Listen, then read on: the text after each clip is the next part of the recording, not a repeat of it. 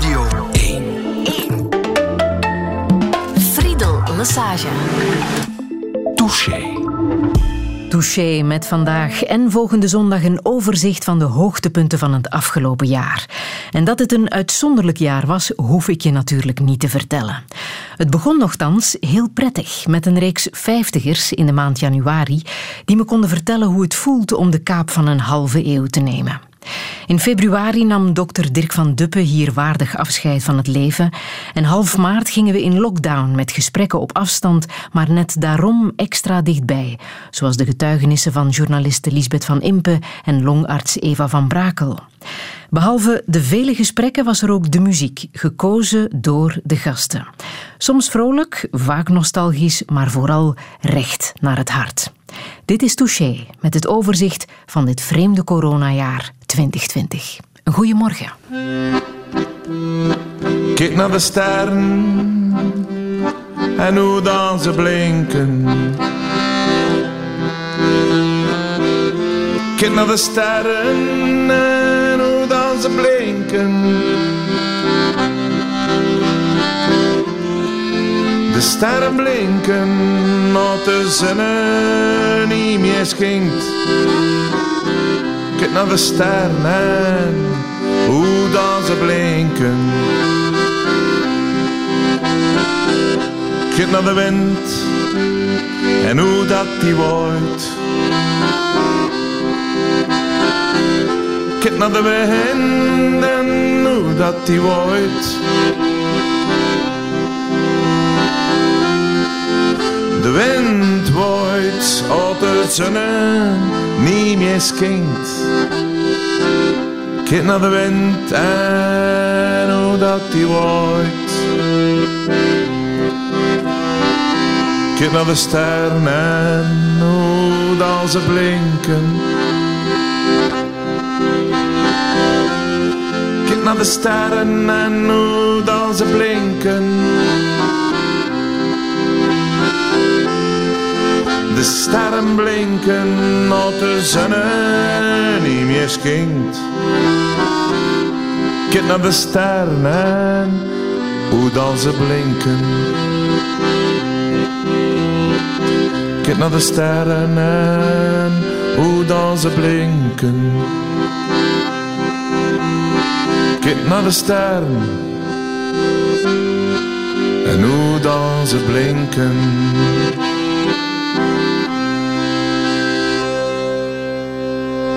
Acteur Wim Opbroek was de eerste gast van 2020. Hij had zijn accordeon meegebracht en zong deze West-Vlaamse versie van Watch the Stars van Pentangle. Wim was een van de vijftigers die ik had uitgenodigd om me te vertellen hoe je dat doet, de kaap van een halve eeuw nemen. Wim deed het op zijn grasgroene crocs. Zijn kinderen hadden een verrassingsfeest georganiseerd en gelukkig was het schoeisel geen storende factor. Feestjes en veel volk, daar kunnen we nu alleen maar van dromen. Fotograaf Stefan van Vleteren mag van geluk spreken dat hij vorig jaar 50 werd. Hij lokte zowat heel Vlaanderen naar het Fotomuseum in Antwerpen. Op zijn prachtige overzichtstentoonstelling Present was het het donkerste kamertje dat mij het meest had geraakt.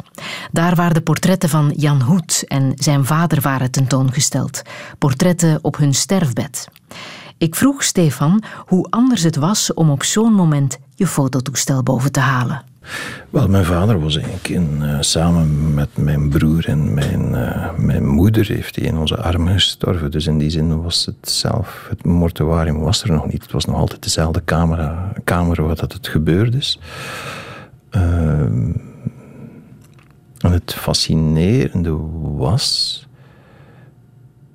dat op een gegeven moment ging mijn, mijn moeder en mijn broer terug naar huis om de dingen te regelen. En ik bleef eigenlijk bij mijn vader. En het was heel fascinerend te zien wat dat er eigenlijk gebeurt met een lichaam die daar juist nog leefde. Zelf in helaas zieke toestand, maar waar dat wel nog het bloed door dat lichaam werd gepompt door dat hart, waar dat er nog lucht door die longen kwam. Waardoor dat, dat lichaam eigenlijk nog leeft en wat dat er dan gebeurt als dat stilvalt. Als plotseling dat bloed blijft hangen. Hè. Je ziet het natuurlijk niet meer. En, en, dat die longen niet meer werken. En, en, wat dat er dan gebeurt, de verkleuring en al. was heel confronterend, maar ook kant heel fascinerend om te zien. En ik twijfelde, toen twijfelde ik ook van, wat, wat, wat, wat kan ik dan nu? En ik had mijn toestel in de buurt en dan nam eigenlijk de, de fotograaf over van de zoon om toch die foto te maken. Ik had het eigenlijk nooit verteld tegen mijn moeder en mijn broer. Het is eigenlijk ook nu vanwege terug te kijken en niet tentoonstelling om, om toch nu even naar dat beeld te kijken en te zien wat heb ik daar eigenlijk ook gefotografeerd. En de volgende stap was, kan ik het gebruiken? En ik dacht van, ik moet het gebruiken, want ik fotografeer de dood bij andere mensen. Waarom zou ik dat dan ook niet doen wanneer dat bij mij gebeurt? Ik vond het misschien is dan ook iets te laf als het dan dicht bij jou is om het niet te doen. Dus ik dacht van, ik moet dit ook tonen. Dit raakt mij ook, dit heb ik ook gefotografeerd. Het is ook een traditie geweest Absoluut, ooit, ja, ja. om de doden te fotograferen. Dat gebeurt niet meer. Nee, het postmortemportret is helemaal verdwenen. Ik herinner mij foto's van mijn grootvader, die ik amper heb gekend, die echt, ja, waar dat de dorpsfotograaf het lijk kwam fotograferen. En dat de doden werden nog thuis... Uh, die lagen nog thuis op bed wanneer dat er met de onkels koffie werden gedronken. Dus, en dat is een traditie helemaal weggaan. En dat is ook wat we daar juist al even over hadden. Die overbescherming, de dood is zo uit ons leven ge, gebannen omdat we alles onder controle willen hebben. Alles moet er goed zijn. We moeten er allemaal fantastisch. We mogen niet verouderen, geen rimpels hebben. We moeten er allemaal ongeweldig zijn gezond en, en sterk. Maar die dood komt daar plots. En dat denk ik in deze tijd is dat verschil tussen de dood en het leven veel heftiger dan vroeger geweest. Vroeger was het ook veel aanvaardbaarder. Zeker bij iets gruwelijk als kindersterfte, wat dat ongelooflijk gruwelijk was. Maar bij de vissers die ik fotografeerde, veel waren met tien kinderen en er was altijd wel een kind die wel een keer onderweg stierf. Nu als iemand de impact als je een kind verliest is, is zo fenomenaal heftig. Het gaat zo door dat veel mensen het ook niet meer erover kunnen. En dat begrijp ik. Ik begrijp het ook. Maar voor mij is de dood geen taboe. Ook als ik voor met mijn moeder spreek, wij spreken over de dood zonder enige taboe. Zij is daar zeer open over en, en, en ik vind, ja, ja, het hoort ook bij. Het is een stadium van het leven die, die, die, die, die daar is en die natuurlijk dramatisch heftig is, omdat het voorbij is. En zeker als je dan iets fotografeert, dat je weet van, nadat ik hier de deur dicht doe, gaat niemand deze persoon nog zien. Dat is een soort van enorm besef van definitiviteit. En dan dus, is een foto krachtig en mooi. Kan krachtig zijn als het, uh, als het goed gebeurt of als de omstandigheden juist zijn. Mm. Want vaak is dat niet hoor. Uh. Jouw goede vriend David van Rijbroek heeft in uh, een van zijn boeken Slagschaduw jou gebruikt of als model gesteld um, voor een fotograaf die in het boek ook voorkomt, Lode, en die laten sterven. Ja. Dat was jij. Tijdens een fotoreportage over Parijs-Roubaix. Ja, dat was heel, ja, dat was eigenlijk heel dit, dit, boekje die een beetje verdwenen is in, in, in de, de mega-succes dat David heeft gemaakt. Maar ik vind het een prachtig boek. En het was heel bijzonder om dit boek, die een fictief verhaal is, maar om dingen te lezen die effectief zijn gebeurd. En dan dingen die ja, gefantaseerd. Of, uh, en hoe, hoe dat, als je er met andere mensen over praat, van dingen die echt gebeurd zijn, wat denk ja, dat is dan natuurlijk uh, gefantaseerd. En ja, die, die mengeling tussen die realiteit en die fictie is, is maar zeer... hoe was dat voor jou om de fantasie van een goede vriend te lezen? De ja. fantasie die de dood van van jou is. Ja, ja, ik vond het prettig, omdat het zoiets is alsof dat je... Zo zou het kunnen gebeuren. Zo zou het kunnen gebeuren. En uh, het was dan ook grappig om dan te zien hoe dat de krant reageerde en de collega's. En, de, nou ja, dat was wel, ja, het is alsof dat je een beetje naar je eigen begrafenis aan het kijken was. Maar door, opgeschreven door een prachtige pen en een heel mooi verhaal. Nee. Ben jij een goede vriend? Dat moet je aan de vrienden vragen. Wat is vriendschap voor jou? Jezelf kunnen zijn, denk ik.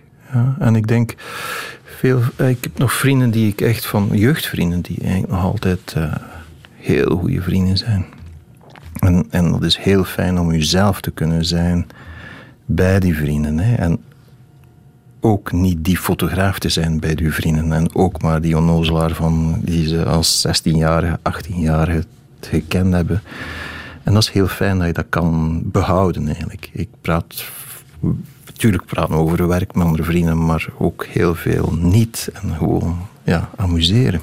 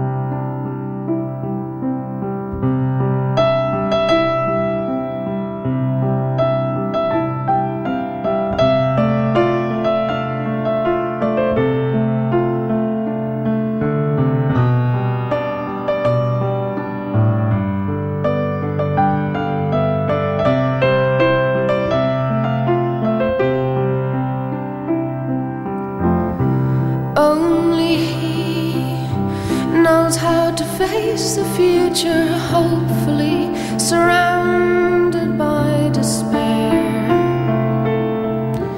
He won't ask for your pity or your sympathy, but surely you should care.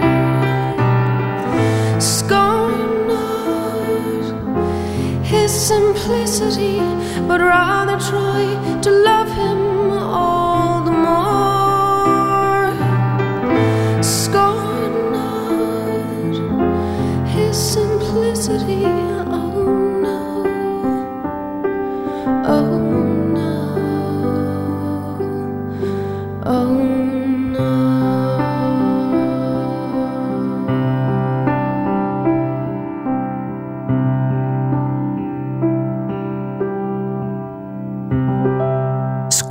Hier in de versie van Sinead O'Connor. Het is een nummer van de Ierse muzikant Phil Cowdler over zijn zoon die geboren is met Down. Het werd gekozen door journaliste Goedle de Vrooy. Ze kwam langs in september. Het was zelfs voor haar een harde binnenkomer, want ook Goedle is moeder van een zoon met een handicap. Ja, je begint wel eh, meteen to the point, want dit nummer ja, daar, ik kan het nooit droog houden. Ik zit hier weer met de tranen in mijn ogen. Ik heb je gewaarschuwd, ik ben heel gevoelig. Um, ja, dat is er bonk op dat nummer. Hè. Het gaat um, over ja, een kind met een handicap.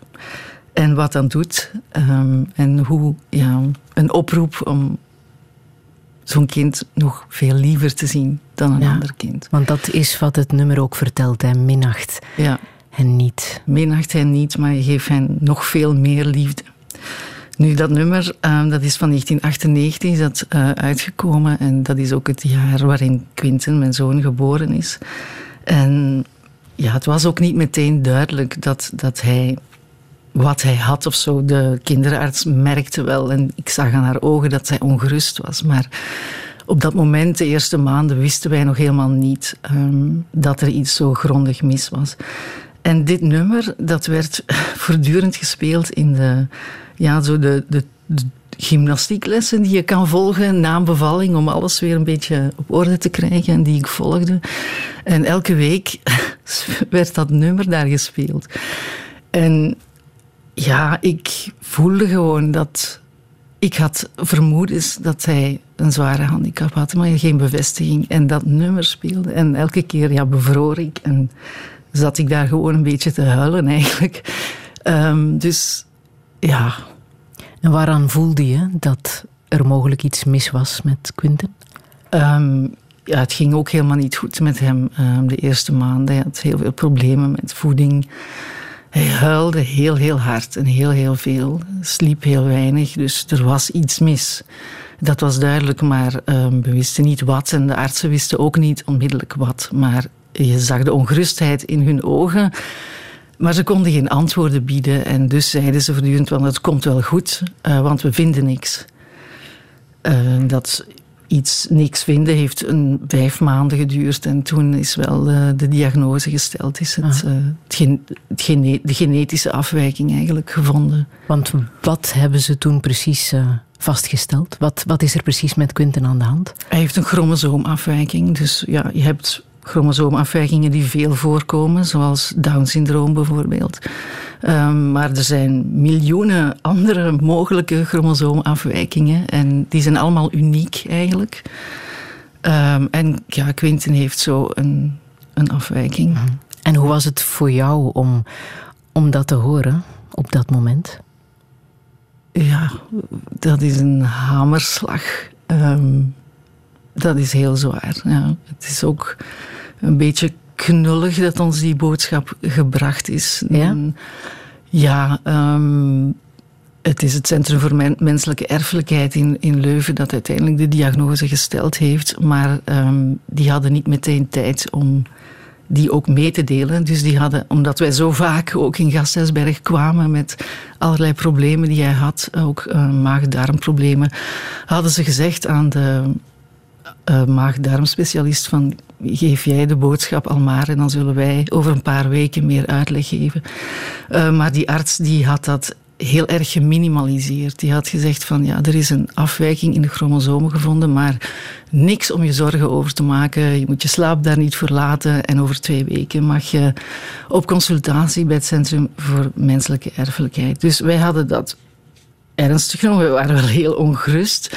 Maar wij dachten, ja, die arts heeft gezegd, het is niks om je zorgen over te maken. Dus hadden wij toch niet verwacht dat dan het wel zo erg zou zijn. En ja, toen die consultatie bij menselijke erfelijkheid, die prof dacht dat wij al heel goed ingelicht waren. Dat wij de draagwijte van die diagnose kenden, wat niet het geval was. En dus die kwam naar binnen met in zijn gevolg een hele hoop uh, studenten, buitenlandse studenten. En dus hij onder, en nam Quinten uh, vast. En hij begon in het Engels eigenlijk les te geven. En te tonen aan zijn studenten van hoe je kon zien dat dit kind um, een chromosoomafwijking had. De subtiele kenmerken in de nek en andere dingen. En ja, wij zaten daar en toen pas beseften wij wat er aan de hand was. En dat was niet zo'n fijne manier om dat te vernemen. -hmm. Ze hebben zich daar ook uitgebreid voor verontschuldigd. Maar, uh, mm -hmm. Weten ze de oorzaak? Hoe, hoe kom je aan zo'n afwijking? Ja, de oorzaak ben ik. uh, niet dat ik daar iets aan kan doen, maar ehm, hij heeft dat eigenlijk van mij geërfd. Uh, ik heb eigenlijk ook een afwijking in mijn chromosomen. Twee stukjes chromosoom zijn van plaats veranderd bij mij. Nu dat heeft geen gevolgen voor mijn gezondheid, maar ehm, als je een kind krijgt, dan ehm, bleek dus dat ik ongeveer ja, 50% kans heb dat dat kind zo'n handicap heeft. Maar dat wist je niet? Nee. Toen je zwanger werd? natuurlijk niet. Nee, nee. En ja, mijn hele familie is dan onderzocht en ik bleek de enige te zijn die dat heeft. Dus het is bij mij ontstaan ja, door de eicel of de zaadcel waaruit ik geboren ben. Daar zat een foutje in. Mhm. Een schrijffout van de natuur. Ja. 98, toen was de NIP-test nog niet uh, terugbetaald. Die bestond nog niet. Bestond nog niet Nee, bestond niet. Nee, er waren toen heel weinig eh, manieren om afwijkingen op te sporen. Je kon een vruchtwaterpunctie laten doen, dan, dan zochten ze naar Down-syndroom. Maar dat is bij mij niet gebeurd, want die zwangerschap was perfect normaal en dat kind zag er perfect normaal uit. Had je die NIP-test gewild? Tuurlijk. Ehm, ik denk dat bijna iedereen die nu doet, ik zou dat ook gedaan hebben. Tuurlijk. Er zijn nu veel meer mogelijkheden om zulke dingen op te sporen. Die NIP-test. Ehm, heb ik me laten vertellen, niet altijd. Want ja, het hangt af van waar je die NIP-test laat doen. Maar als je die eh, aan een universitair ziekenhuis laat doen, dan zoekt hij niet alleen op Down-syndroom of een paar andere heel veel voorkomende uh, afwijkingen, maar doorzoekt, u, doorzoekt hij het hele genoom van het, mhm. het, kind. En kan je dus ook afwijkingen zoals die die Quinten heeft nu tijdens de zwangerschap, al heel vroeg in de zwangerschap, opsporen. Uh, twintig jaar geleden was dat niet mogelijk. Dus. Maar dan blijft nog de vraag, denk ik, wat zou je doen? Stel dat je weet wat er met je kind aan de hand is voor de geboorte. Als je tijdens de zwangerschap vertellen van um, jouw kind zal heel zwaar mentaal gehandicapt zijn, zal ook fysiek mogelijk uh, allerlei dingen niet kunnen. Dan denk ik niet dat er veel mensen zijn die gaan zeggen: Ja, ik kies daarvoor, laat maar komen. Dat doe je gewoon niet. Ik zou dat ook niet gedaan hebben. Mm. Mm. Heb jij je schuldig gevoeld? Wel het feit dat dan gezegd wordt van ja, die genetische afwijking ligt bij jou. Ehm, ja, is dat een schuldgevoel? Je, je, kan daar natuurlijk helemaal niks aan doen, maar dat voelt toch niet goed. Mhm. Eh, je, bent enerzijds wel blij dat, het, dat de oorzaak gevonden is. Hè? Dat je niet moet afvragen hoe, ja, waarom gebeurt dit. Ja, het is duidelijk waarom het gebeurd is. En je kan er niks aan doen, maar ja, het is geen fijn gevoel. Nee. Je voelt je toch verantwoordelijk. En uh, je, je denkt op bepaalde momenten toch van... Ja, had ik dat maar geweten, hè? had ik dat maar geweten, dan, dan had ik geen kind gewild. Want dat risico zou ik nooit willen nemen hebben. Mm.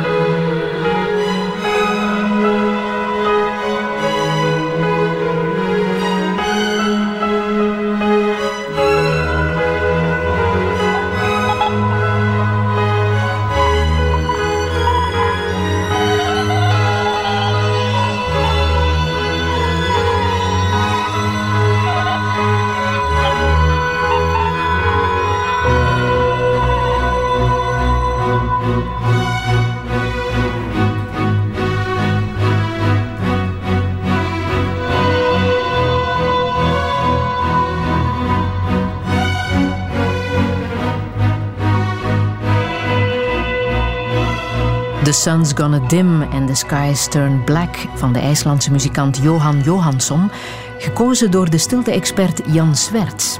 Het was een van de weinige concerten die Jan ooit in zijn leven zag. Jan heeft Asperger.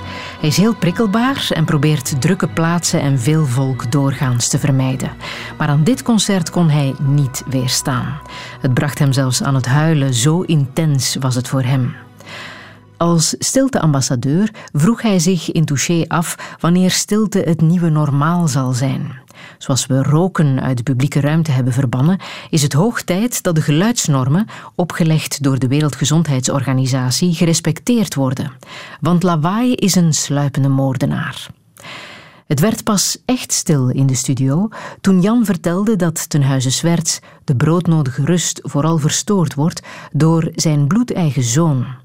Jeff heeft het syndroom van Gilles de la Tourette. Het was verhelderend om Jan te horen vertellen hoe hij dit ontdekte. Eh, Jeff heeft al van jongs af het gevoel, ik ben heel raar, omdat Gilles de la Tourette, het syndroom dat hij heeft, is ook iets heel vreemd. Het, het, is een, een, syndroom dat zich uit in, in tics, fysieke tics. Dat kan inderdaad zijn uw ogen opentrekken, mond opentrekken, uw hoofd naar achter gooien, heel uh, gewelddadig naar achter gooien, uzelf slaan, uh, beentics krijgen, waardoor je moet springen, pirouetten moet draaien. Het kunnen ook vocale tics zijn, uh, schreeuwen, um, sniffen constant, kuchen. En soms ook schelden. Komt niet zo heel veel voor met Tourette, maar kan ook voorkomen. En hoe ver gaat het bij Jeff, bij jouw zoon? Jeff heeft een, eh, een zware vorm van Gilles de la Tourette. Omdat het, het is een, een syndroom. De meeste mensen denken, oké, dat is die enkeling, één op een miljoen, die ongecontroleerd moet schelden. Maar eigenlijk is het een vrij ja, het komt vrij veel voor. 1 op 100 eh, mensen heeft het syndroom van Gilles de la Tourette. Alleen, het zit ook op een spectrum, zoals autisme. Je hebt mensen met een tussen lichte vorm van autisme. Die, die kunnen dat compenseren of die kunnen dat wegsteken of hebben het zelfs, niet door dat ze autisme hebben. En je hebt natuurlijk ook een, een, ander uiterste aan het spectrum. Met Tourette is dat ook zo. Je hebt mensen die, waarvan je zelf zegt, goh, dat zijn wat, wat zenuwpezen, die hebben een tik nerveux. Uh, maar vaak is dat gewoon een, een, een tik van het syndroom van Tourette. Maar je hebt ook mensen die aan de andere kant van het spectrum zitten, met ook alles ertussenin. Maar aan de andere kant van het spectrum kan dat echt wel leiden tot een leven waarin je gecontroleerd wordt door je uh, Tourette. Waarin je, mhm. Dan ben je eigenlijk een soort lappenpop die bevelen moet volgen, die iemand dan in je hersenen geeft, of iets in je hersenen geeft.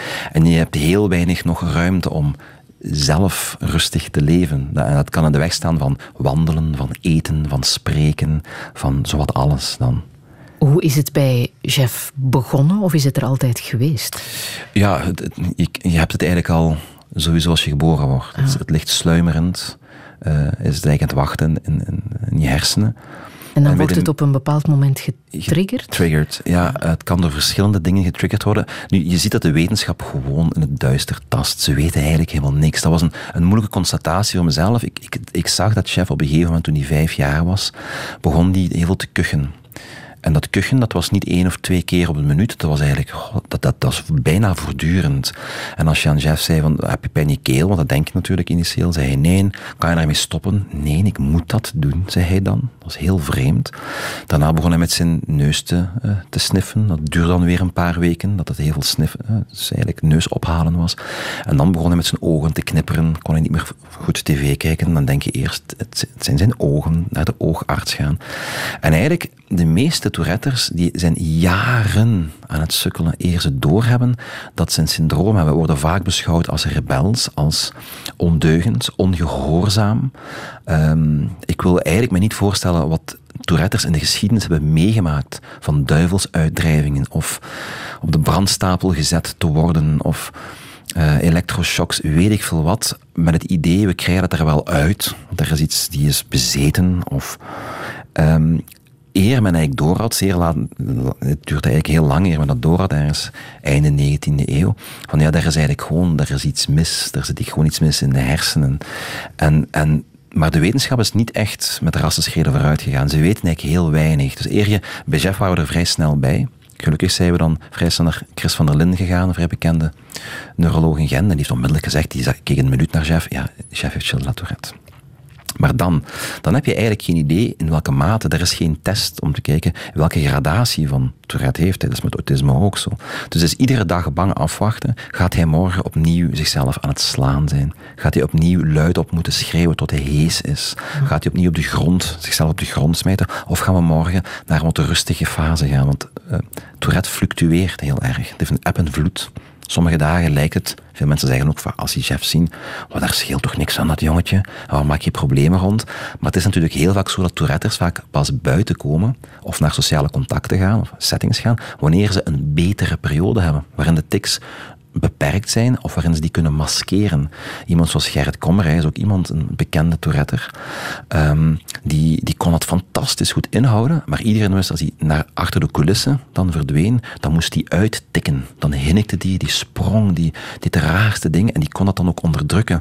Dus omdat mensen zich schamen, het is raar, het valt extreem hard op een Tourette doet ook heel vaak net datgene dat niet mag in die context. Het is ook niet enkel neurologisch, het is natuurlijk ook psychologisch. Het is een uh, neuropsychiatrische aandoening. Dus net datgene die niet mag doen in een context, een Tourette moet dat dan doen. Hij heeft dan geen rem op. Dus het valt extreem op. En hij voelt zich al zo lang bekeken. We hebben als gezin altijd geprobeerd, en ik vind dat we dat heel goed doen, hem het gevoel te geven er is niks mis mee. Dit is voor een stuk wie jij bent.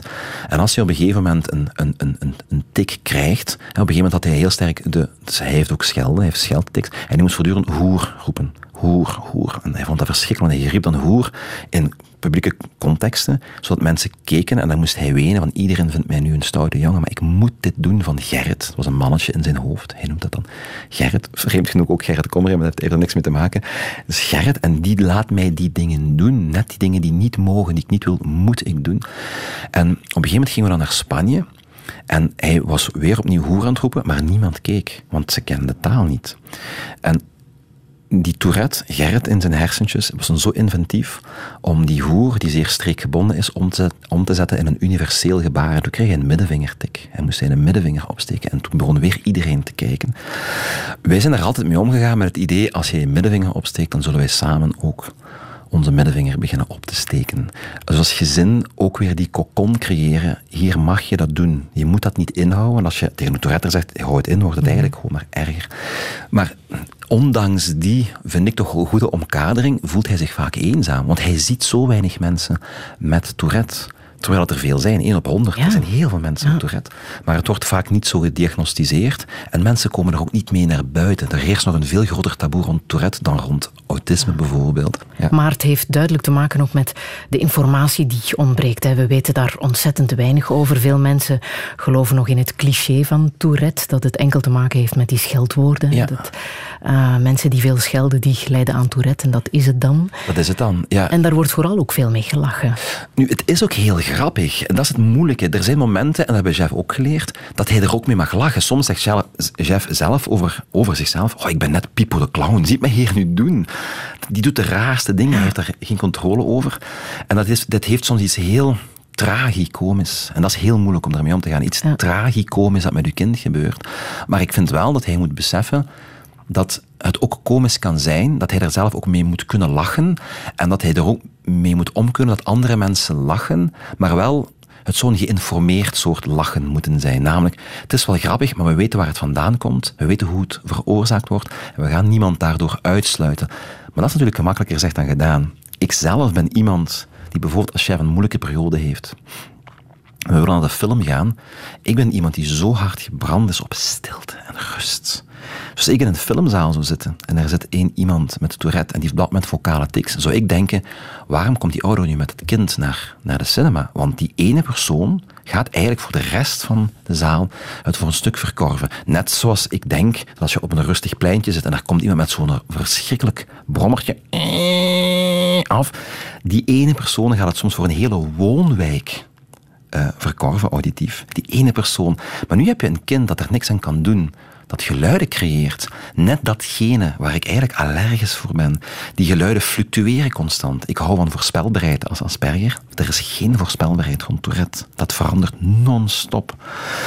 En eigenlijk zou je op dat moment moeten zeggen, ja, ik ga die dan niet mee naar de cinema pakken, maar we hebben toch geleerd dat dat, dat wel te doen. Dus ik zit in een hele rare positie Je moet chef het gevoel geven, je bent niet op zich niet abnormaal. Het komt veel voor. Maar ja, natuurlijk wel mensen hebben die kijken en die soms heel kwaad worden, omdat hij een lawaai maakt, net datgene doet dat niet mag. Maar hoe was het voor jou als vader, als man met Asperger, om te horen dat jouw eigen zoon Gilles de la Tourette heeft? Oh, ja, dat was, dat was heel, heel... Ik kan het zelfs niet meer beschrijven. Ik heb het ook niet kunnen beschrijven. Ik wilde het initieel beschrijven. Ik wilde het ook uitleggen. Ik ben ook heel snel naar, naar, naar een therapeut, een psychiater gegaan om daarover te kunnen spreken. Maar ik kreeg het gewoon... Ik kreeg het niet uitgelegd, omdat er komen zoveel dingen op je af. Niet enkel het idee, wat iedere ouder heeft een bepaald verwachtingspatroon. En dat verwachtingspatroon gaat op een gegeven moment altijd avrij oplopen. En maar goed ook. Maar dat was al heel moeilijk. Wat gaat chef ooit nog kunnen doen als deze gradatie van Tourette zo blijft? Want dat weet je niet. Sommige Touretters, in één keer verdwijnt dat. Bij sommigen wordt het nog erger volwassen worden. Dat is ook onzeker. Als het zo blijft, wat gaat die jongen kunnen doen in zijn leven? Wat, welke mogelijkheden zijn er? Niet, dat was al moeilijk, die onvoorspelbaarheid. Ik had geen controle over wat er ging gebeuren. Voor mij heel erg moeilijk. Maar vooral, ik had schrik op een gegeven moment. Zeker in het begin.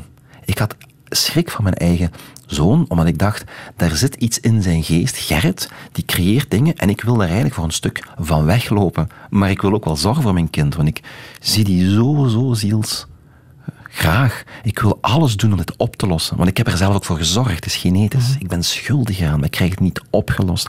Ik wil voor hem zorgen, maar ik wil ook weg. Want die geluiden kan er... Ik, ieder geluidje dat hij maakte, was ik aan het turven. Net zoals ik dat doe s'nachts. Ik niet kan slapen en er is een radiator aan het tikken of een hond aan het blaffen. Ik turf ieder geblaf, iedere tik.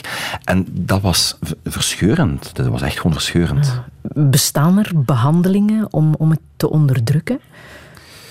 Ehm, ik heb geleerd dat de beste behandeling om, om het te onderdrukken, ehm, en dan komt het misschien een beetje 5TV-achtig over, is aanvaarding.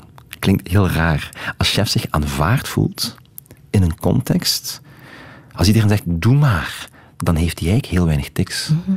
Dan gaat Gerrit blijkbaar niet meer rebelleren, of die denkt, ah, ik heb hier eigenlijk helemaal geen pak op de zaak, want alles mag, alles kan. Uh, dus van het moment dat, dat hij zich in een context, als hij ergens in een nieuwe context komt en hij, en hij weet niet of, of alle mensen weten dat hij Tourette heeft, krijgt hij veel tics. En hij gaat ook vaak mensen dan, we hebben hem ook geleerd, informeren. Kijk, ik ben Jeff, ik heb Tourette en ik ga dus een aantal van dit soort dingen doen. En dan doet hij zijn tics soms voor. Mhm. Op het moment dat dat ontmijnd is en hij, weet, hij ziet dat die mensen zeggen, oh, maar dat is geen probleem, dan heeft hij heel weinig tics. Dus aanvaarding, de kennis van Tourette zelf, is heel belangrijk.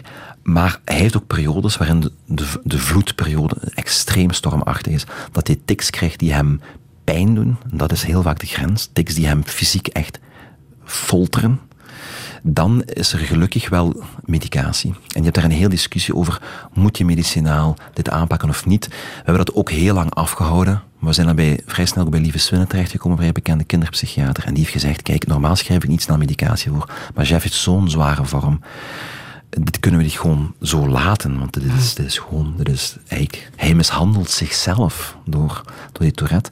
En dan is er medicatie gegeven. Hij, hij neemt nu Abilify, een vrij bekende medicatie, die eigenlijk ervoor zorgt dat um, het doet iets met de, de, de, receptoren van dopamine in de hersenen. Dopamine is een stof die wij allemaal hebben en die ervoor zorgt dat wij onze acties uitvoeren. Als ik nu bijvoorbeeld dat glas water zie en ik wil dat glas water pakken, de, de, de stof die dat eigenlijk geleidt is dopamine. Maar iemand met, met uh, Tourette en ook met heel, heel veel andere aandoeningen heeft vaak een teveel aan dopamine, waardoor je een soort energieopstapeling krijgt die eruit moet en die dan zijn weg zoekt in bepaalde fysieke gedragingen, mhm. tics of focale gedragingen die op dat moment eigenlijk niet nodig zijn, maar die dopamine moet eruit. En die medicatie zorgt dat, dat die dopamine naar beneden gaat, of die dopamine rush wordt afgezwakt. En over het algemeen helpt hem dat wel heel erg goed, alleen het is altijd zoeken naar de dosering, want te veel en uw zoon wordt een zombie en, en, en heeft eigenlijk bijna geen leven meer in zich. Dus het is altijd mm. balanceren op, op het slappe koord.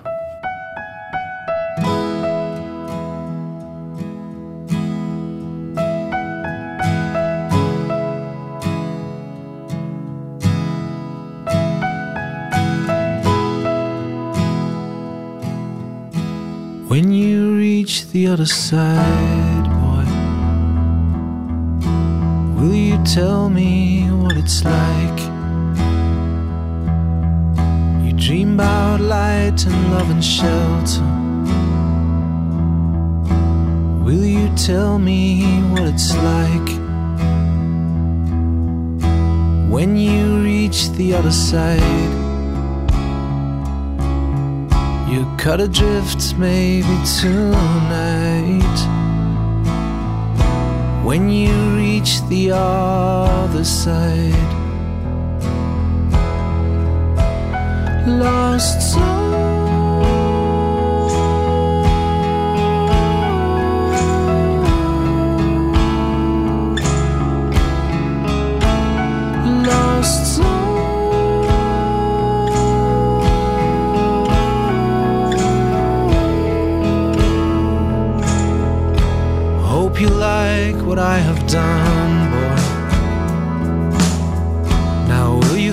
Some peace of mind?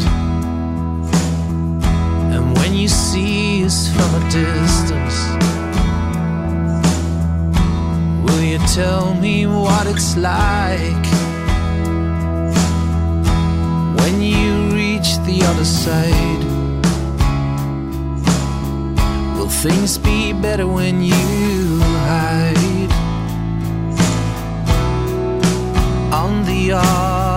side?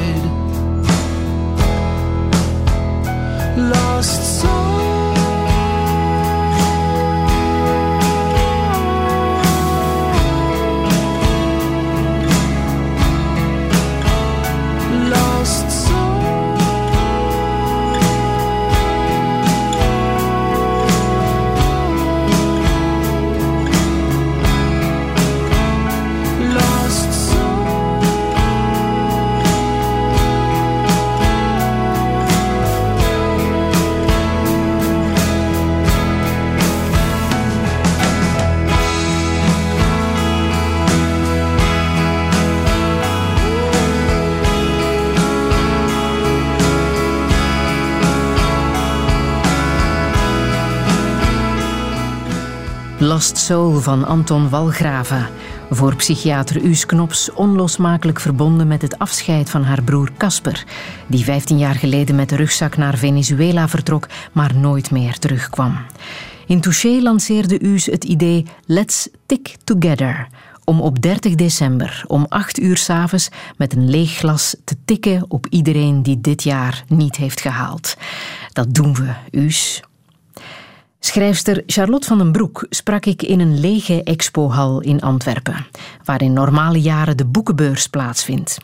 We spraken over haar genomineerde boek Waagstukken. Het was een kille novemberdag, ideaal voor dit gitaarspel van Leo Brouwer.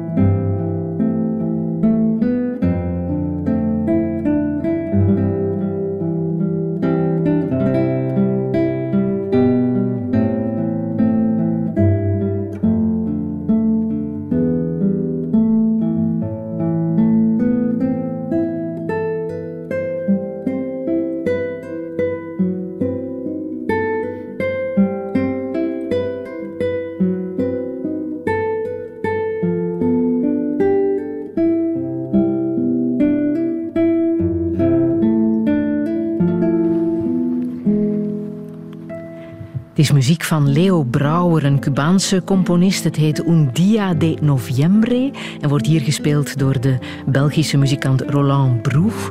Charlotte van den Broek, had het gekund dat jij dit live speelde vandaag? Absoluut niet. ik, uh, ik heb wel klassieke gitaar gespeeld, van mijn 8 tot mijn 16. En je hebt over dit stuk, ik, had eigenlijk het antwoord, ik, ik kende eigenlijk het antwoord al, want het staat in jouw boek. Mhm. Wil je lezen wat je hierover schrijft, over dit prachtige stukje muziek? Ja, het is het laatste stuk dat ik ooit uh, ingestudeerd heb voor de klassieke gitaar. Mijn gitaarleraar had het stuk van Brouwer uitgekozen voor mijn tweede graadsexamen en speelde het voor in zijn onderschatte virtuositeit. Andante cantabile, driekwartsmaat. Een groot en onmogelijk Zuiders geluk wordt bespeeld en betreurd. Er ging iets verloren in die muziek. Iets wat onfeilbaar mooi moet zijn geweest, ontegensprekelijk. En toen het een paar maten verder daadwerkelijk verloren bleek, liep ik onder water. Tegen de tijd dat hij het beginthema herhaalde was het onomkeerbaar. De muziek was al partituur geworden van mijn geluk en mijn treurnis en mijn onmogelijkheid.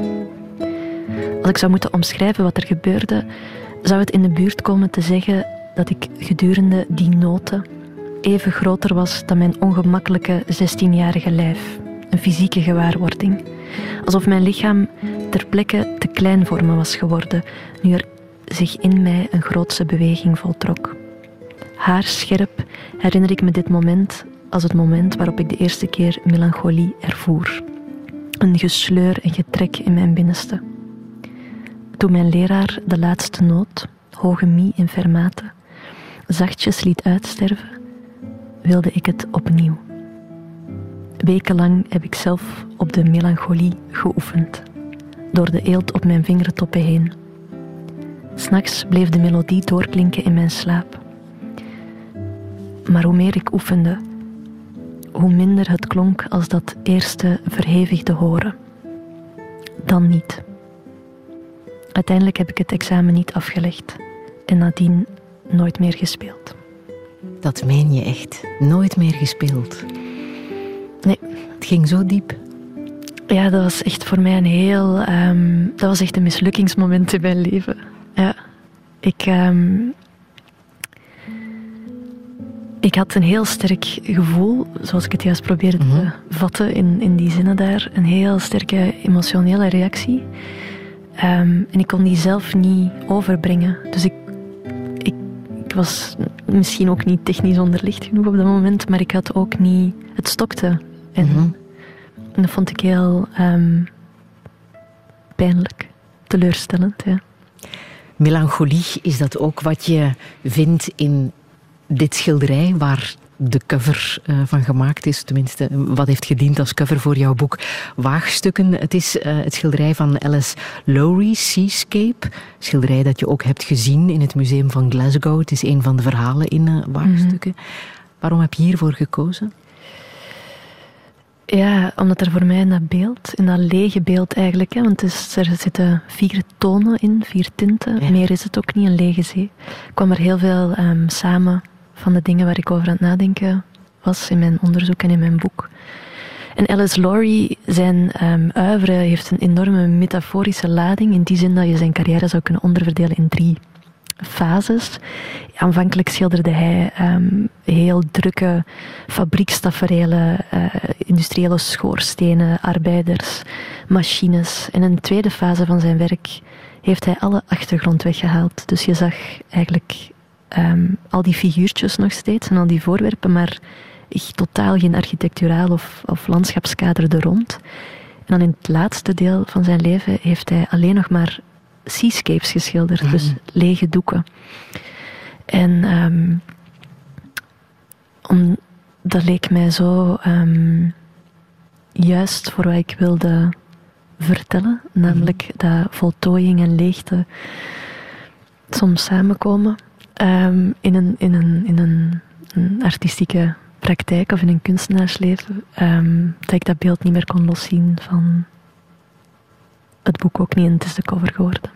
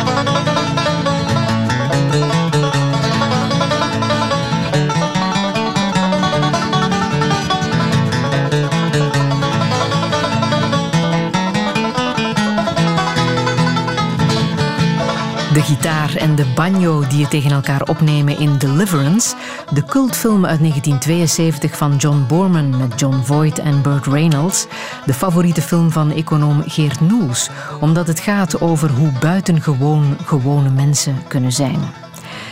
Zometeen blikken we terug op de gesprekken met acteur Dominique van Malder, hoofdredacteur Liesbeth van Impe, muzikant Raymond van het Groenewoud en longspecialiste Eva van Brakel.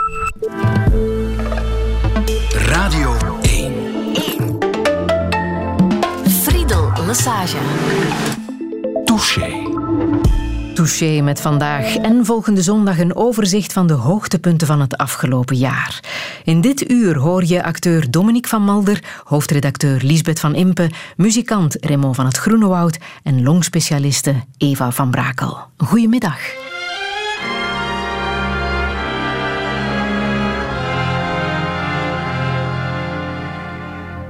Of things I should be thankful for, I've had a goodly share. And as I sit here in the comfort of a cozy chair, my fancy takes me to a humble east side tenement. Three flights up in the rear to where my childhood days were spent.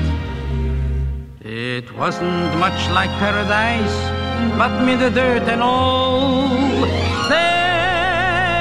Said the sweetest angel, one that I fondly call.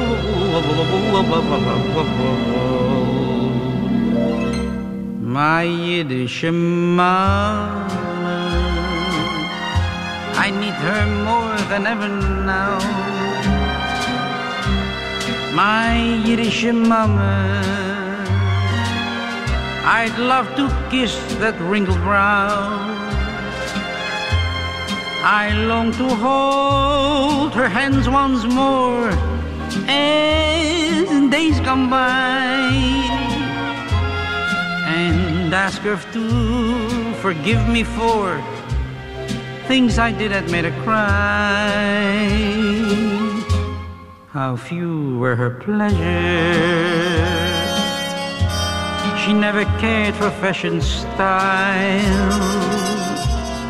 Her jewels and treasures, she found them in her baby smile.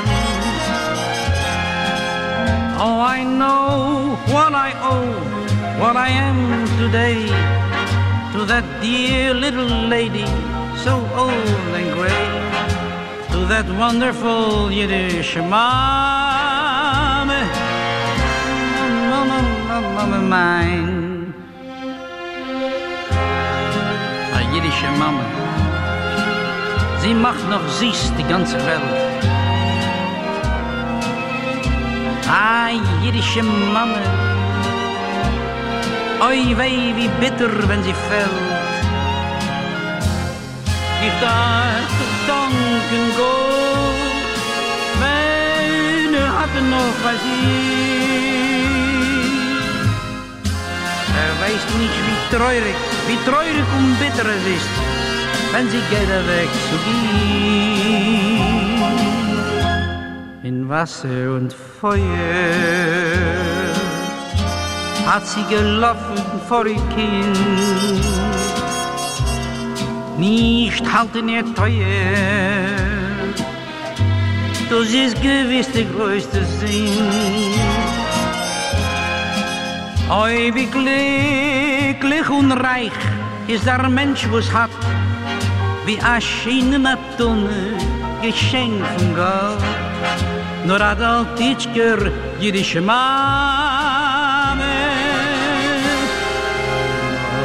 Mama, mama, mama, mama, mama, mama, mama. Ma Jiddische Mama van Leo Voelt, een nummer uit 1956 dat Arthur Langerman hier in Touché opdroeg aan zijn moeder. Hij vertelde hoe ze zwaar getraumatiseerd uit de concentratiekampen was teruggekeerd. Een warme band had hij niet met haar kunnen opbouwen. Hij moest het vooral alleen doen en dat deed hij. Hij werd diamantair, gespecialiseerd in gekleurde diamant en werd dit jaar verkozen tot mens van het jaar. Kort na mijn gesprek met acteur Dominique van Malder moest ook hij afscheid nemen van zijn moeder. Het was met veel liefde dat hij sprak over zijn ouders, hoewel zijn jeugd niet evident was. Dat bleek toen ik hem vroeg of hij zijn kinderkamer kon beschrijven. Dat was een redelijk armoedige kamer. In die zin, uh, eigenlijk sliepen wij allemaal op één grote kamer. Met je ouders? Ja, dus daar stond een kast in. Uh, ja, eigenlijk best wel armoedig hoor. Uh, mijn broer is dan iets later, hè, toen de hormonenmafia in zijn lichaam huisde, is die naar de zolder verhuisd. kreeg ik een kamer alleen. Hè, te delen nog natuurlijk met mijn met ouders. Je ouders ja. En de kast die in het midden stond. Maar ja, dat was wel een... ja, je hebt het ooit vergeleken met de helaasheid der dingen, hè? Ja, ja. Ik... Waar we ondertussen een beeld kunnen bij vormen. Gaat het echt zo ver? Uh, ik, mijn vader komt uit een gezin van elf, een heel groot gezin. En uh, binnen dat gezin gaat dat eigenlijk van een... Uh, ja, de ja, professionele toogzweer tot uh, een dokter. En alles zit daarin uh, uh, van klasse. Mm -hmm. Maar ja, mijn ouders hadden eigenlijk ook niet... Hè. Zij, zij werkten in, in, in de fabriek. Zij hebben op jonge leeftijd al moeten gaan werken om mee dat groot gezin te onderhouden. Mijn mama komt ook uit een groot gezin. Dus zij hebben eigenlijk nooit kansen gehad om zich te ontplooien, omdat zij op hun veertien al uh, ja, moesten werken. Mijn mama was ook een tienermoeder. Hè. Ze was 16 toen ze mijn broer kreeg. Ze was 20 toen ze mij kreeg. Dus ja, dat is wel heftig natuurlijk. Uh... En was je je daar zelf van bewust als kind? Nee. Nee, ik ben me daar uh, pas bewust van geworden toen ik zelf uh, vader ben geworden. Dan, dan, dan pas? Ja, omdat ik, ik heb altijd een warme jeugd gehad en mijn ouders hebben mij altijd mijn liefde... mijn, ja, ze, ze hebben wel van mij gehouden, of ze houden nog altijd wel van mij, maar ik miste toch een bepaald soort warmte. En ze hadden niet de tools eigenlijk om, om uh, gesprekken te hebben. Gesprekken die ik met mijn zoon nu heel erg wel probeer te hebben over gevoelens, over uh, emoties. En ja, ik ben daar pas laat achter gekomen dat die jeugd van mij misschien toch iets minder warm was dan dat ik toen zelf dacht. En dat is ja, door papa te worden, dat merkte van, hé, hey, ah. Maar zo kan het misschien ook. En waar gingen de gesprekken dan wel over? Was bijvoorbeeld het feit dat er geen geld was een gespreksonderwerp? Werd daarover gepraat? Werd dat benoemd? Goh, uh, ik, ik, bijvoorbeeld, hè, ik was, uh, doordat ik natuurlijk wel vaak las en zo, uh, was ik, uh, en omdat ik me moest verdedigen als dikkertje op de speelkoer, was ik best wel mondig. En ik wou, uh, ik wou heel graag Latijn-Griekse gaan doen. En mijn vader natuurlijk had zoiets van, maar nee, nee, je bent een arbeiderskind, dat is voor dokters, kinderen, nee, nee, nee. ik heb dat toch gedaan en ik zal nooit vergeten, ik ehm, ik ben daartoe gekomen in de klas, de eerste Latijn-Griekse, en ik heb me direct verontschuldigd. Ik zeg, sorry dat ik het ben. Sorry. Nee, maar ik ga het wel proberen. Ik heb zes jaar Latijn-Griekse gedaan. Ik vond het -hmm. fantastisch. Ik ben blij dat ik dat gedaan heb. Maar ik wil maar zeggen, de nederigheid waarmee dat mijn ouders zijn opgegroeid en dat mee hebben doorgegeven, ja, dat heeft er best wel ingehaakt. En ik, ik, ik heb me vaak verontschuldigd, terwijl het dat helemaal niet hoefde. Vanuit die nederigheid, vanuit het feit van ja, sorry dat ik hier ben. Uh, en ja, dat is iets dat wel mijn jeugd bepaald heeft, meer dan dat ik zelf op dat moment door had. Ja. Arm zijn, een dikkertje zijn, zeg je zelf. Dat lijkt me moeilijk om de populairste van de klas te zijn. Hoe ging dat op school? Ja, uh, dan moet er natuurlijk met iets anders opvallen. En uh, ik had de reflex van goed, ik zal ik als eerste de mop maken over het feit dat ik dik ben, dan gaan die anderen dat al niet meer doen. En dat werkte ook, want ik, uh, ik was misschien niet de populairste, maar ik was wel de grappigste van de hoop. Ze vonden ja. mij heel grappig. Maar dat maakt natuurlijk dat je jezelf heel de tijd zit te tackelen. Van, en de leraars deden dat ook nog eens, terwijl ik ben nooit echt gepest geweest, want ik, ik, op dat vlak was ik wel mondig. Maar na een tijd, en dan heb ik het over heel lang, ja, krijg je ineens bezoek van je zelfbeeld. Hè? En die zegt van, Dompie, wij moeten eens praten, hè, man. Want als je jezelf heel de tijd neerhaalt, gaan mensen ook zo beginnen kijken uh, naar u. Van, ah ja, inderdaad. Hij zegt het zelf dat, mm -hmm. dat een dikzak is. Dus ik zal dat ook wel mogen zeggen. Dus ik mag er ook wel mee lachen. En humor mag, hè. Ik vind humor...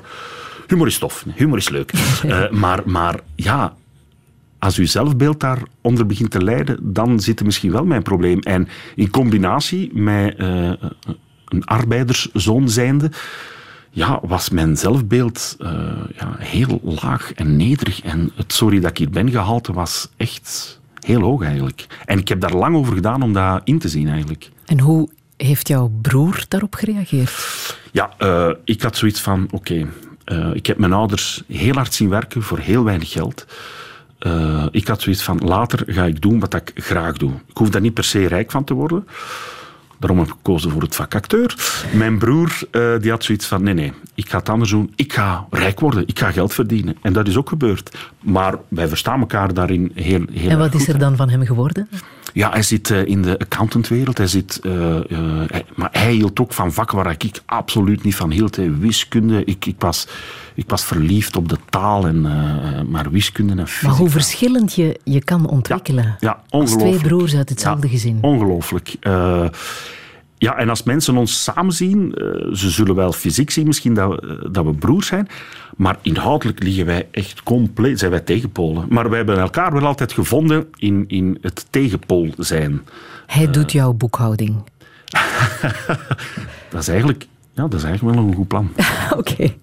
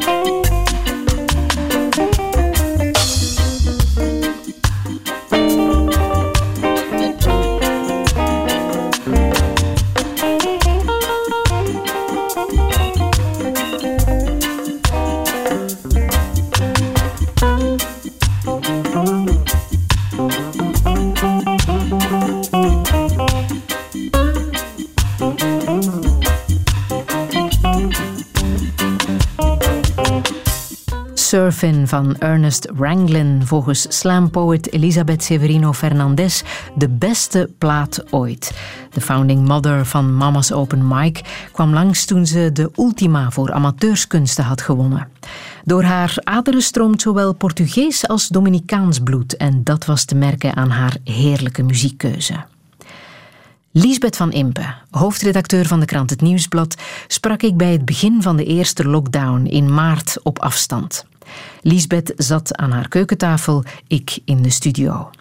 Ze had toen net haar laatste chemo gekregen na borstkanker. Het quarantainegevoel was voor haar dus niet nieuw.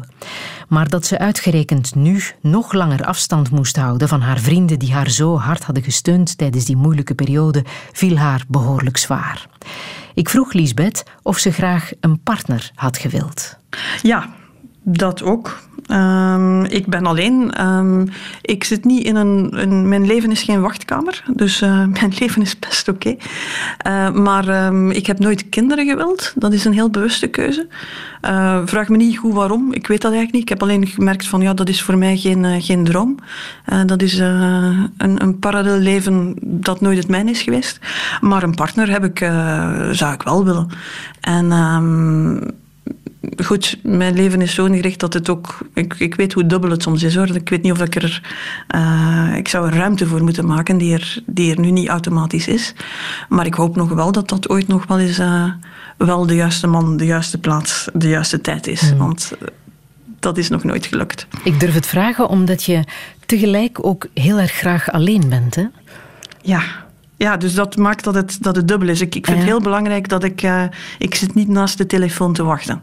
Uh, dus uh, dat vind ik heel belangrijk. En mijn leven is niet, on, is niet onvolledig. stel dat ik... Dat al die puzzelstukjes niet op de juiste plaats vallen. en ik weet hoe hard ik het nodig heb om alleen te zijn. Dat is nu een beetje een zegen natuurlijk. Um, maar voor mij is vakantie twee weken naar een stad gaan, een stapel boeken, een pak musea, lange wandeltochten en eigenlijk met de expliciete uh, intentie om uh, zo weinig mogelijk met mensen te spreken. Mijn job is heel sociaal. Ik ben de hele dag op een redactie bezig uh, waar 180 man rondloopt, waar heel veel te doen is. Um, wat, heel veel, wat, wat ik fantastisch vind, maar ik heb ook die periodes nodig dat ik echt tegen niemand spreek. Um, dat ik ook mijn mails niet check, dan lees ik ook geen kranten. Dan, dan haak ik echt helemaal af. En zo kom ik tot rust. Um, en ik heb dat ook nodig. Dus ik weet nog altijd niet als ik eens de perfecte man tegenkom op het perfecte moment, op de perfecte plaats, hoe ik dat moet uitleggen dat ik uh, ook, ook nog wel eens graag helemaal alleen ben en zelfs voor langere tijd. En dat ik dat gewoon nodig heb om mijn batterijen op te laten, om uh, mezelf terug te vinden, om rust te krijgen in het, in het hoofd en in de gedachten. En uh, ja, en waar trek, je, waar trek je naartoe als je alleen wil zijn? Heb je vaste plekken? Tot voor ik ziek was, um, uh, was dat vaak naar steden. Alhoewel, ik heb één gekke plek. Um, in, in Nederlands Limburg uh, heb je de Schadijkse bossen. Die liggen gewoon vlakbij een centerpark, waar ik wel eens kom. Uh, waar ik ook helemaal alleen naartoe ga. En niet om in de glijbanen te zitten, maar gewoon om te gaan wandelen. en daar staat midden op een stukje heide een, een zo'n boom die er in de winter uh, wat mistroostig, maar tegelijk heel mooi uitziet. Die zo afsteekt tegen de lucht. Die staat zo'n beetje op een heuveltje. En daar ben ik de laatste twee jaar toch zeker vijf, zes keer naartoe geweest. Dat is een wandeling en, en die ligt daar zo half weg. En dat is mijn boom. Mijn familie weet dat ook. We zijn er samen geweest en we hebben foto's aan de boom en iedereen weet waar die boom staat. Um, dat is een, een, een, een, wat gekke plek. Um, als je daar helemaal alleen loopt, uh, ja, kijk je wel eens om je uh, uh, achterom om te zien van ja, ben ik hier nu echt helemaal alleen? Maar dat is een plek waar ik naartoe ga en waar ik een soort rust vind. die in het, het, dagelijkse professionele leven natuurlijk heel, heel schaars is. Ja, en die, dat is, die hunker om af en toe alleen te zijn zit ook wat in jouw favoriete schilderij, Hotel Room van Edward Hopper, waar een vrouw alleen aan een toog zit in een eh, café. Moet ik jou zo voorstellen als jij in grootsteden alleen twee weken met een stapel boeken je terugtrekt?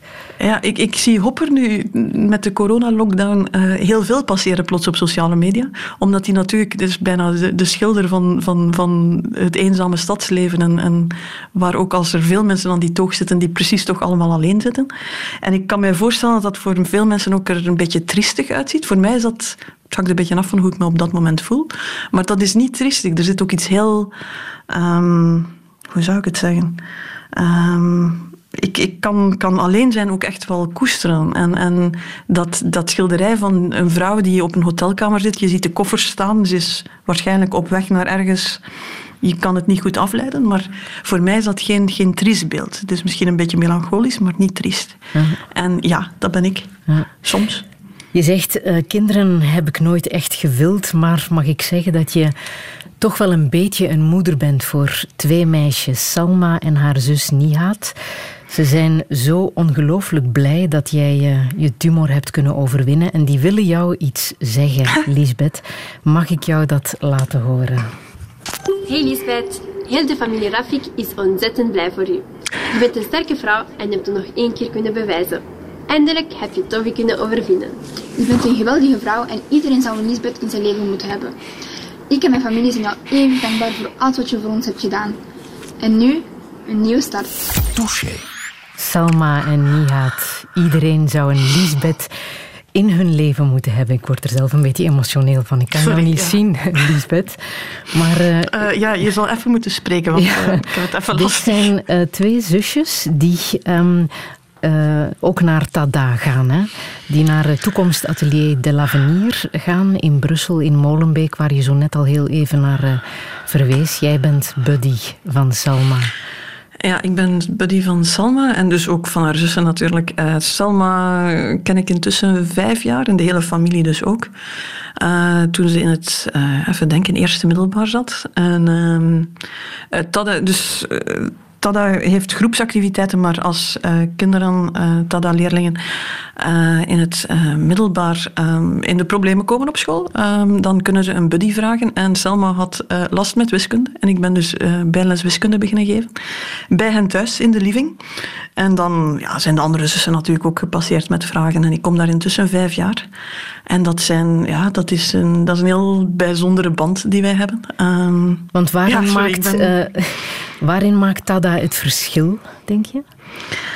Uh, dat, dat doet, het is doet heel veel dingen. Het is een soort het is... weekendschool? Of, of hoe moet ik het uh, mij voorstellen? Um, ja, dus we, we nemen kinderen uit Molenbeek, Schaarbeek, uh, Sint-Joost-en-Oude, vaak uit moeilijker gezinssituaties. Um, en het, het groepsgebeuren is tussen het vijfde leerjaar en het eerste middelbaar. Komen ze iedere zaterdag en wij introduceren hen... Um, in beroepen. Uh, dus er komen altijd uh, mensen die dat beroep uitoefenen. Uh, ateliers geven, heel hands-on, heel, heel praktisch. maar ze leren zo beroepen kennen. We werken normaal gezien drie à vier weken rond één beroep. Dus er, heel veel mensen passeren daar dus om daar dus één atelier te geven of eens een zaterdag mee te doen. Het idee daar is dat je mensen perspectief geeft, doet dromen. Ehm, niet alleen zegt van het is heel belangrijk dat je studeert, maar dat je ook kan tonen van kijk, dat leidt naar dat soort, uh, dat soort wegen, dat soort levens. Um, je hebt talenten, ontdek die, doe er iets mee. Uh, en tegelijk uh, werken we heel hard op um, leren voor een groep spreken, leren samenwerken, leren discussiëren, van meningsverschillen, dat soort dingen. Dus dat doen ze drie jaar, dan studeren ze af en dan worden ze eigenlijk een hele middelbare school nog opgevolgd. Ook, er zijn ook nog altijd activiteiten dan. Maar dus dan gaat het ook echt over studieondersteuning, studiebegeleiding. En zo ben ik dan bij Selma terechtgekomen. En dus ik ga mee naar oudercontacten. Ik... Uh, uh, maak afspraken over, uh, met haar over waar we de lat leggen dat jaar. En uh, als de rapporten goed zijn, dan doen we een uitstap. Mm -hmm. Maar natuurlijk, ja, als je vijf jaar ergens komt, dan gaat dat veel verder dan een bijles wiskunde natuurlijk. En, dat mm -hmm. zijn, en dit is ja, ook een beetje jouw antwoord op 22 maart, vandaag trouwens vier jaar geleden, hè, de aanslagen in Zaventem ja. en Maalbeek, waarvan je zo net zei, ja, zelfs een hoofdredacteur van een krant weet het niet hoe zoiets kan gebeuren, um, hoe je daar een antwoord moet op geven. Maar jij hebt het gedaan vanuit je, je eigen uh, mogelijkheden, uh, contact leggen met daar, een wereld die jij ja. niet kent.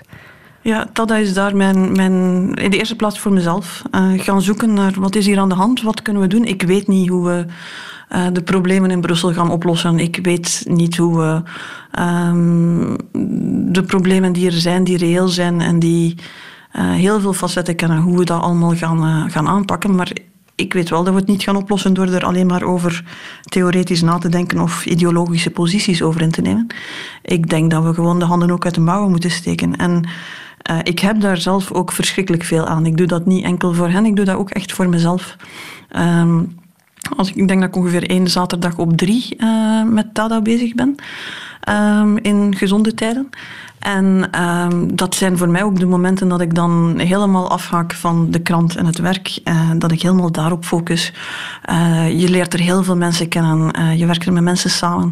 Je ziet die jonge gasten bij tijden openbloeien. Je ziet hun het, potentieel dat daar zit en dat we, als we niet opletten, uh, kwijt zijn over een paar jaar later. Um, maar als we dat juist aanwakkeren, waar, waar zoveel kracht, zoveel energie, uh, zoveel mogelijkheden zitten. Um, en dat, het voelt goed om daar iets mee te doen. Ja.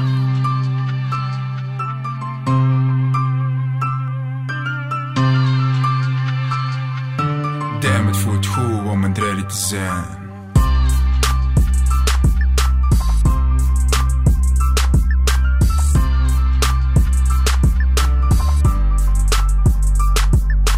Damn, het voelt goed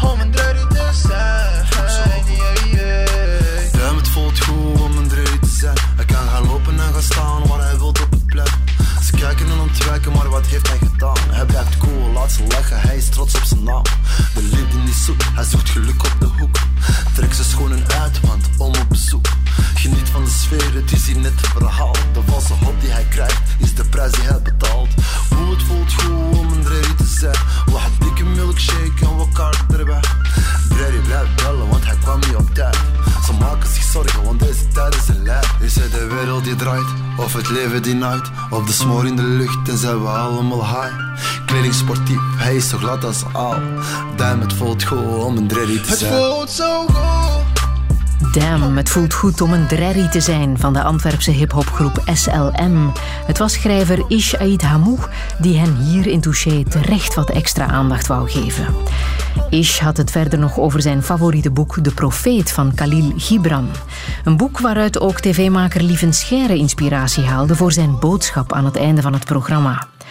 Tussen wat wordt gezegd en niet bedoeld en wat wordt bedoeld en niet gezegd gaat de meeste liefde verloren, zo citeerde hij.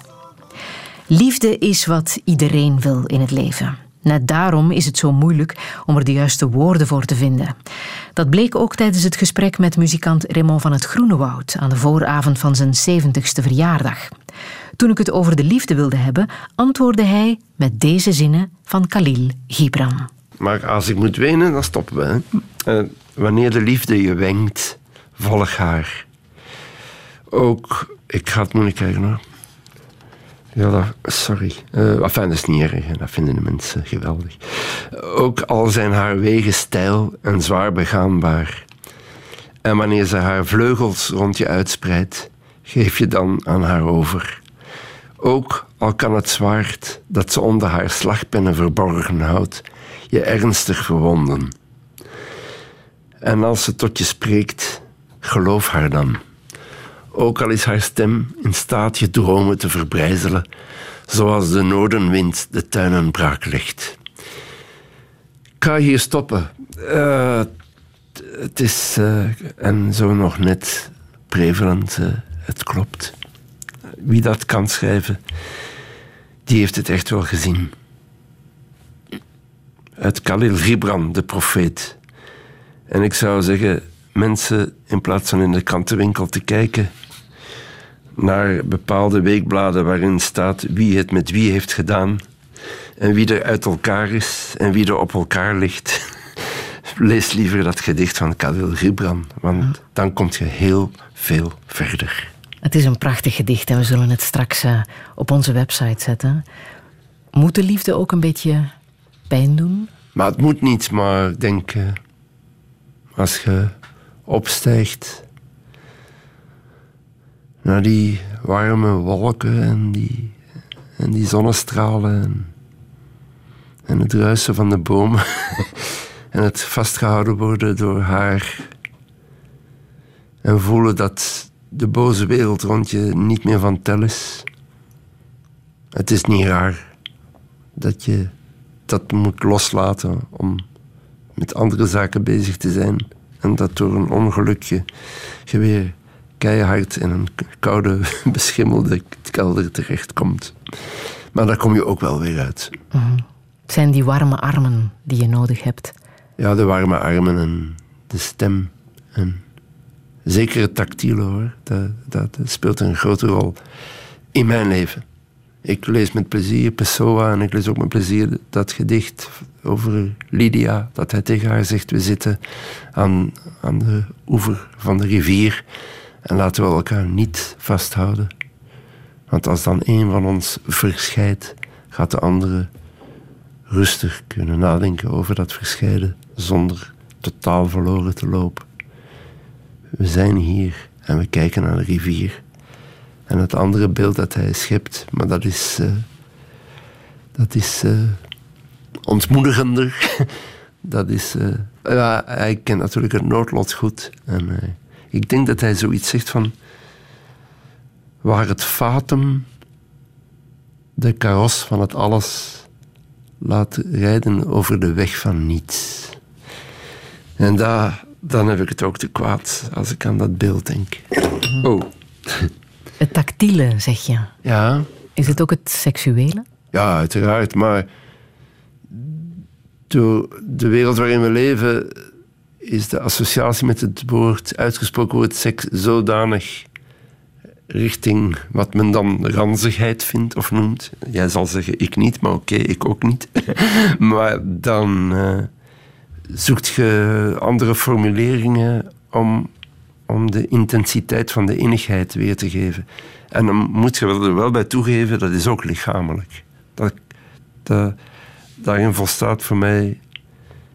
Er moet iemand zijn die, die, die daarvoor is, voor die intensiteit van het lichamelijke. Dat is beminnen. Uh, en opnieuw, niet alleen geestelijk. Het is... Uh, men zegt voor gezondheid ook geest en lichaam. En dat, dat bevestig ik in het verhaal van de liefde. Ah. Gezondheid en liefde, dat is een zaak van geest en lichaam. En het is geen kampioenschap wie van de twee het belangrijkste is. Ze gaan in elkaar over. En dat is toevallig dan weer iets heel mooi in het mens zijn. Ah. Moeten we dat ook weer meer durven benoemen uh, als man en vrouw? Het seksuele, het mooie van seksualiteit. Ja, de, het is een ding op zich, hè, de seksualiteit. De, het geloof dat je. Er is een mooie tekst dat ik vond bij Cohen en die ik soms eens gebruik bij een optreden.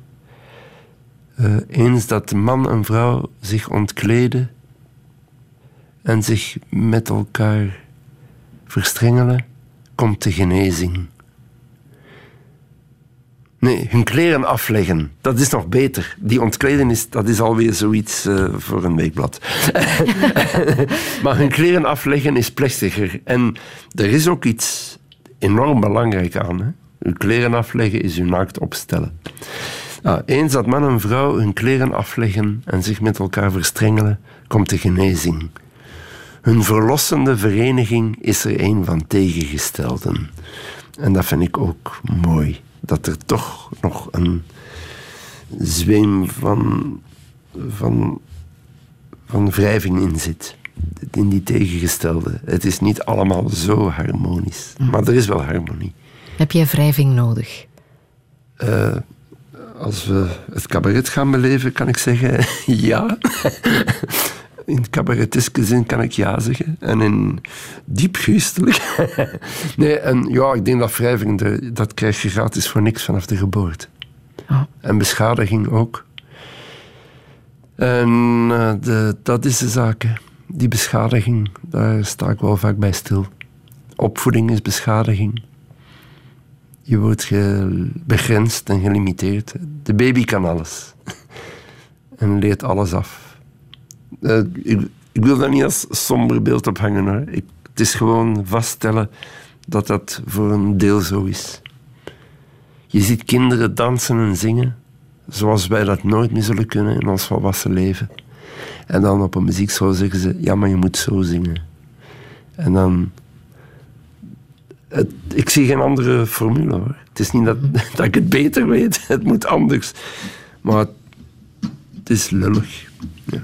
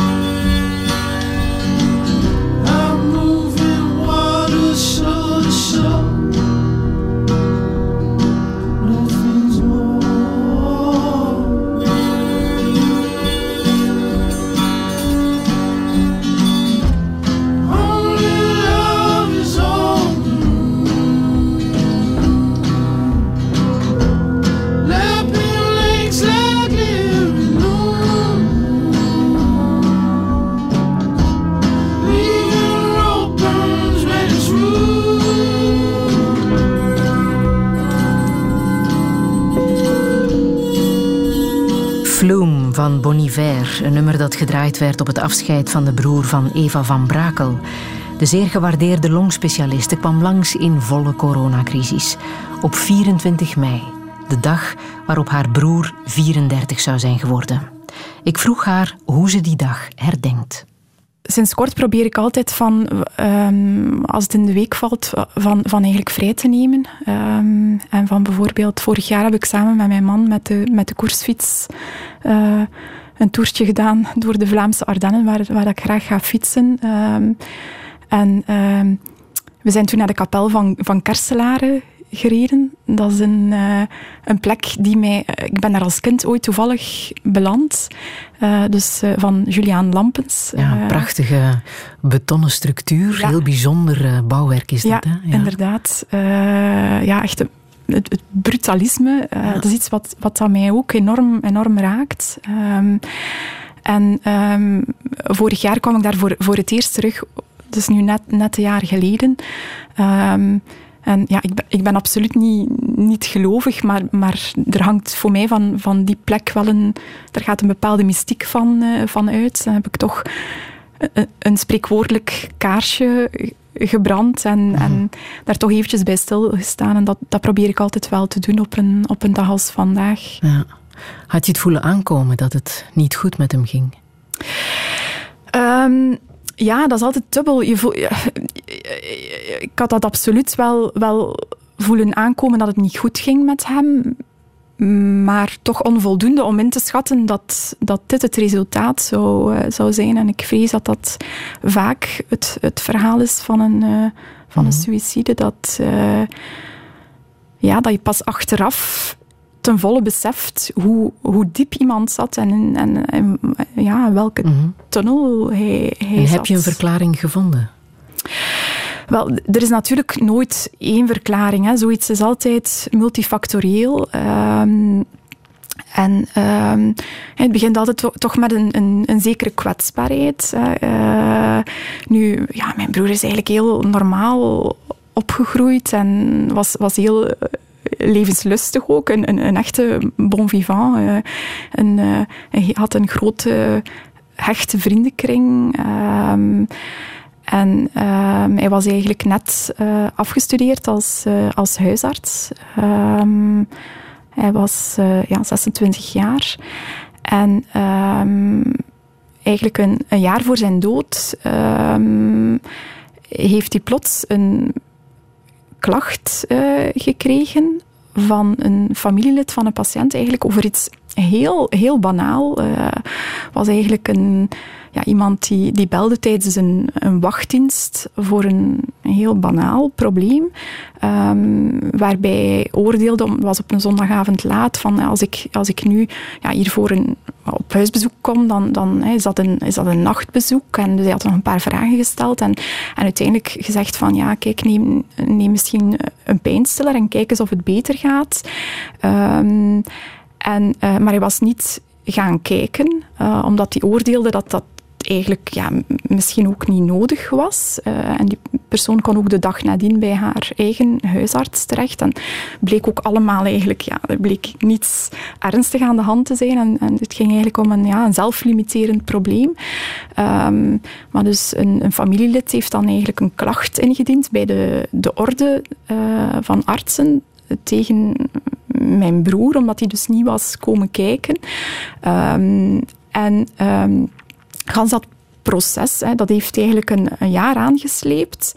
Um, op eigenlijk een manier die, die hem als, als jonge arts uh, ja, enorm on, ontwricht heeft. Um, waarbij dat hij, ja, hij was eigenlijk bij mijn vader in opleiding. Mijn vader mocht, ook niet, mocht hem ook niet bijstaan. Uh, hij moest uh, voor een raad verschijnen van, uh, van wijzen, zeg maar, om zich te, te verdedigen uh, over eigenlijk iets heel, heel banaal, bijna absurd als je daar nu op, uh, op terugdenkt. En dan, uh, na dat jaar heeft men dan ook geoordeeld dat er absoluut geen enkele schuld trof. Hè, dus dat stond ook zo op papier.